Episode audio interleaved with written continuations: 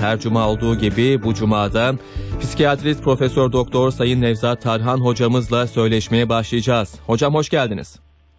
Hoş bulduk. Ee, iyi yayınlar Emre Bey. Çok teşekkürler. ederim. Sağ olun, sağ olun hocam. Hocam geçen haftadan yarım kalan bir konumuz vardı. Dua, Evet, dua ve evet. ibadetten bahsedecektik. Psikolojik ve fizyolojik faydalarından söz edecektik. Ee, ben konuya şöyle girmek istiyorum. İnsanlar şu anda son dönemde özellikle e, dünyevi e, kalmayı tercih eden insanlar ben özgür olacağım deyip hiçbir şeye inanmama noktasında bir görüş belirtiyorlar. Ama aynı Evet. zamanda mutlu da olamıyorlar. E, hiçbir şeye inanmadan mutlu olmak mümkün mü? E, Allah'a inanarak özgür kalmak ne kadar mümkün hocam? Bunu size soralım. Buyurun. Evet. Tabii. Şimdi e, aslında bu konuyla da e, dolaylı olarak bağlantısı olan şu anda Ankara'dayız. Biz Ankara'da Türkiye e, İnsan Hakları ve Eşitlik Kurumu'nun yaptığı şiddetin önlenmesi çalıştayı var. Evet. Şiddetin önlenmesi çalıştayı var. Evet. Mesela öze, e, e, bugün haberlere yansıyan bir habere göre Bakırköy'de bir aile yine toplu ölü bulunmuş. Evet evet az önce Son bir hafta içerisinde toplu intiharlar var. Hı hı. şiddet var. Bu aslında sadece e, Türkiye'de değil bütün dünyada aynı şey geçerli. Hı hı. Ciddi bir e, intihar artış var. İntihar hızında artış var. İntihar salgından bahsediliyor. Hatta mesela İngiltere'de e, 16-24 yaş grubunda e, trafik kazalarından ölenden daha çok genç intiharla ölüyor. Hı hı. Yani böyle bir e, artış var. Böyle bir durumda yani bütün e, Dünya Sağlık Örgütü dünya parlamentolarına e, intihar önleme projesi gönderdi yıllar önce. Parlamentonun bir kısmı bunu e, şey haline getirdi, böyle, e, yasalaştırdı. Bir kısmı çalışma devam ediyor. Yani burada bu yani intiharın artması, intihar kararı ne demektir bir insanın varoluşuyla ilgili e, bir sorgulama yaşıyor. Hayat nedir? Varoluş nedir? Hayatın anlamı nedir? Niçin yaşıyorum? Nereden geldim? Nereye gidiyorum? Ben kimim? gibi soruları soruyor. Bu sorulara cevap veremeyince insan yani eğer şu anda mutsuzum, acı yaşıyorum ama bu eğer 10 sene sonra böyle olacaksa şimdiden kurt bitsin bu hayat diyebiliyor insan. Hı hı. Burada ne görüyoruz? Sizin sorunuza gelirsek buradan hareketle mesela şiddet kurultayında da bu konuşulacak şimdi. Evet. Ne geliyor? İnsan neden e, çağımızın insanı zengin, varlıklı ama neden mutlu değil? Neden yaşamak istemiyor? Yani neden dünya daha çekimli, yaşam standartları yükseldi, daha e, yaşanabilir olduğu halde e, neden insanlar mutluluğu yakalayamıyorlar? E, mutluluğu e, yakaladıklarını koruyamıyorlar. Neden diye bunu e, araştırılıyor. Burada nedenleri araştırılıyor. E, burada en önemli sebep kişinin tabii e, mutlu olması için e, anlam e, dünyasının e, sağlam bir inançla doldurulması önemli. Yani yüksek bir güce, yüksek bir değere inanan insanlar şey açısından daha e, e, kafalarında çıkan sorulara e, doğru cevaplar verebildikleri için yani kişiler böyle durumlarda hayatın anlam anlayışıyla ilgili sorulara cevap verebildiği için yani bir özellikle kriz durumunda herhangi bir e, de, de, yalnız hissettiği durumda ümitsiz ve karamsar hissettiği bir durumda her şeyi bilen, her şeyi kontrol eden, yani her şeye ulaşabilen bir güce e, inandığı anda kişi ümitsizliğe düşmüyor. Evet. Kişi öyle durumlarda tahammül etme, sebat etme becerisini kazanmış oluyor. Yani bu bu özellik insana yüksek e, e, duygularla, yüksek e, e, inançları varsa kişinin sağlam inançları varsa kişi buna e, bu iki e, inanç dediğimizde tabii kişinin bazılarının zihinsel sığınak oluyor inancı, bazılarının koruyucu melek oluyor. Ama bu inanç onun için hayatına bir anlam katıyor. Yani kişinin e, yalnız kaldığını hissettiği zaman yalnız olmadığını hissettiren bir inanç sisteminin olması. Yani bu nedenle çağımızda e, materyalizm, kapitalizm ne yaptı? İnsanlığa bir e, 1800'lü yıllardan itibaren ciddi bir endüstri 1.0 oldu. Endüstri 1.0'da ne oldu? Makine gücü ortaya çıktı, buhar gücü ortaya çıktı. İnsanoğlu güç ve hakimiyetini ve zenginleşmesini artırdı. Daha sonra Endüstri 2.0 oldu. Endüstri 2.0'da elektrik devreye girdi. Güç ve hakimiyetini artırdı e- evren üzerinde, dünya üzerinde hakimiyetini artırmaya çalıştı. Belli bir zenginleşti. Ee, ve bunu elde edenler dünyaya daha çok işte e, büyük gemiler ürettiler, büyük uçaklar ürettiler, uzaya gittiler.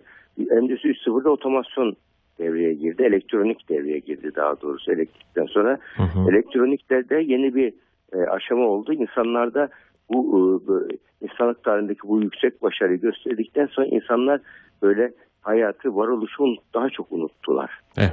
Unuttular. Şimdi Endüstri 4.0 var, yapay zeka var. Ama bir taraftan da şu ortaya çıkıyor.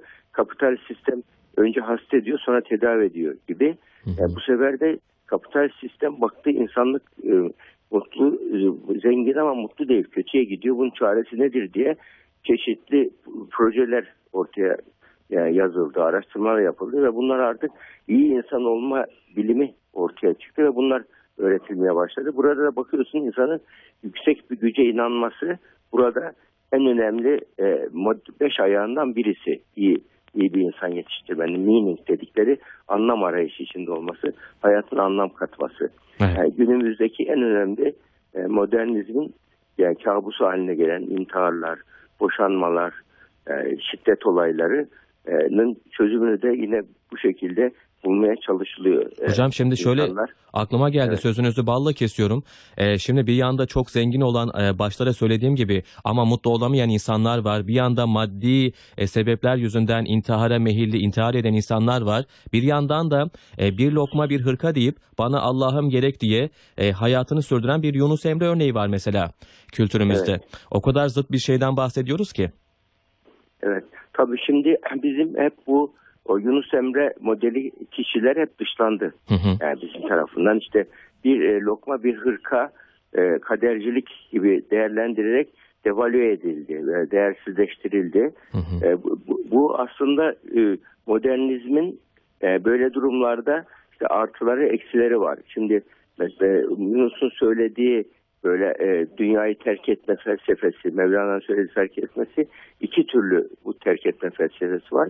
Birincisi Budizm'deki gibi dünyayı e, terk etme. Mesela Yunus ondan etkilenmiş. Hı hı. E, Mevlana etkilenmiş o tarzdaki terk etme.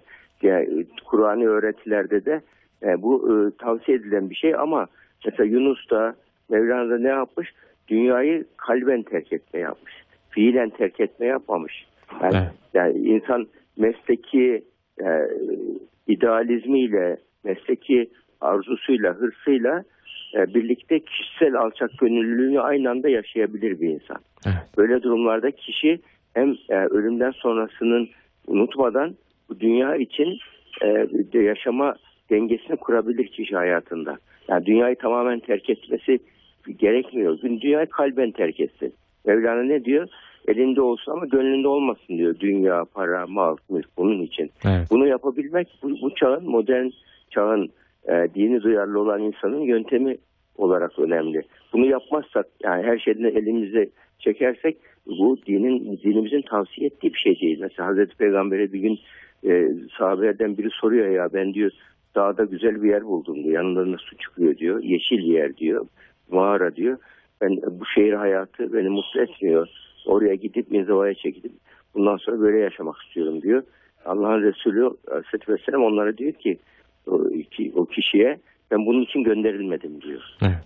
Evet. Şimdi bak burada bizim yani bu, bu kaçmaktır Evet. kişinin. Yani kişi bu dünyanın verdiği nimetlerin e, bir şekilde e, onları e, yaşayacak, onları geliştirecek ama bunu e, manevi hedeflerine uygun bir şekilde yapacak kişi. Bunu yapabilirse iki dünya mutluluğu oluyor. Yani bakın e, ibadetlere bakın, e, bütün ibadetler namazın sonundaki duaya bakın, e, haçtaki o e, tavaftaki son duasına bakın. Hı hı. Allah'ım iki dünyada mutluluk ver diye dua eder. Doğru. Hasenetin, Rabbena atina fid dünya haseneten diyor. Evet. Yani iki dünyada güzellik istiyor insan. Hı hı. Yani sadece ahiret güzelliği de değil, sadece dünya güzelliği de değil. İkisinin dengesini kurulması, çağın Müslümanı böyle olmalı. Hı hı. Bu nedenle yani Yunus bize e, önemli bir örnek ama e, günümüzün e, Yunus olabilmek, günümüzün Mevlana'sı olabilmek için bu iki dengeyi iyi sağlamamız e, gerekiyor. Evet. Yoksa bu sefer e, hep taklit eden, fakir e, bir e, Müslüman tipi çıkar. Bu, bu da bu çağa uygun bir Müslüman tipi değil e, bence. Evet. Evet. Hocam biraz da doğadan bahsedelim istiyorum. Ee, yine son dönemde işte evren, evrene güzel mesajlar gönderelim tarzında söylemler ortaya çıktı ama bu evrene gönderdiğimiz mesajlar zaten bizim e, dua ritüelimiz. Biz zaten dua ederek Allah'a, e, evrene e, mesaj e, gönderiyoruz. Göndermek de zorundayız. Kendimizi de iyi hissediyoruz. Bize nasıl bir güç veriyor? Neden dua etmeliyiz hocam? Dua e, şöyle e, dua etmemiz e, şu açıdan e, önemli. İnsan e, çünkü insanda e, kontrol duygusu var. Hı hı. e, insanda bir güç e, duygusu var. Ama insanın kontrol edebileceği şey, edemeyeceği şey var. Gücünün yettiği şey var, yetmediği şey var. Evet. Bu ikisi arasında denge kurması gerekiyor.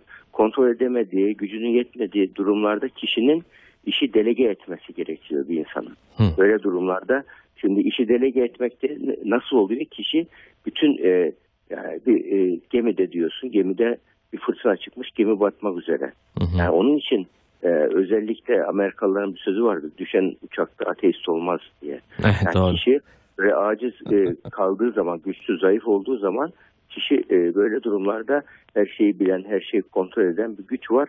Bu güç bana yardım edebilir duygusu demektir dua aslında. Evet. Yani dua insanın yani bir e, Mevlana aşk için dua edin diyor ama bu zamanın insanlar aşk için değil, aşk, fark, şefkat, tefekkür e, ihtiyacı için e, du- duaya ihtiyacı var.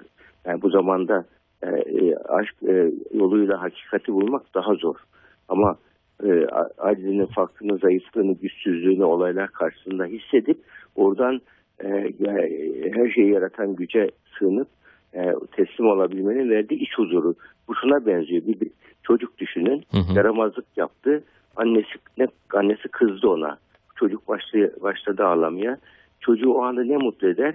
Annesine tekrar sığındığı an çocuk mutlu eder Evet. her şeye çünkü annesi e, din, e, hatta annesi onu e, hırpalasa bile çocuk annesine sığınır huzur bulur.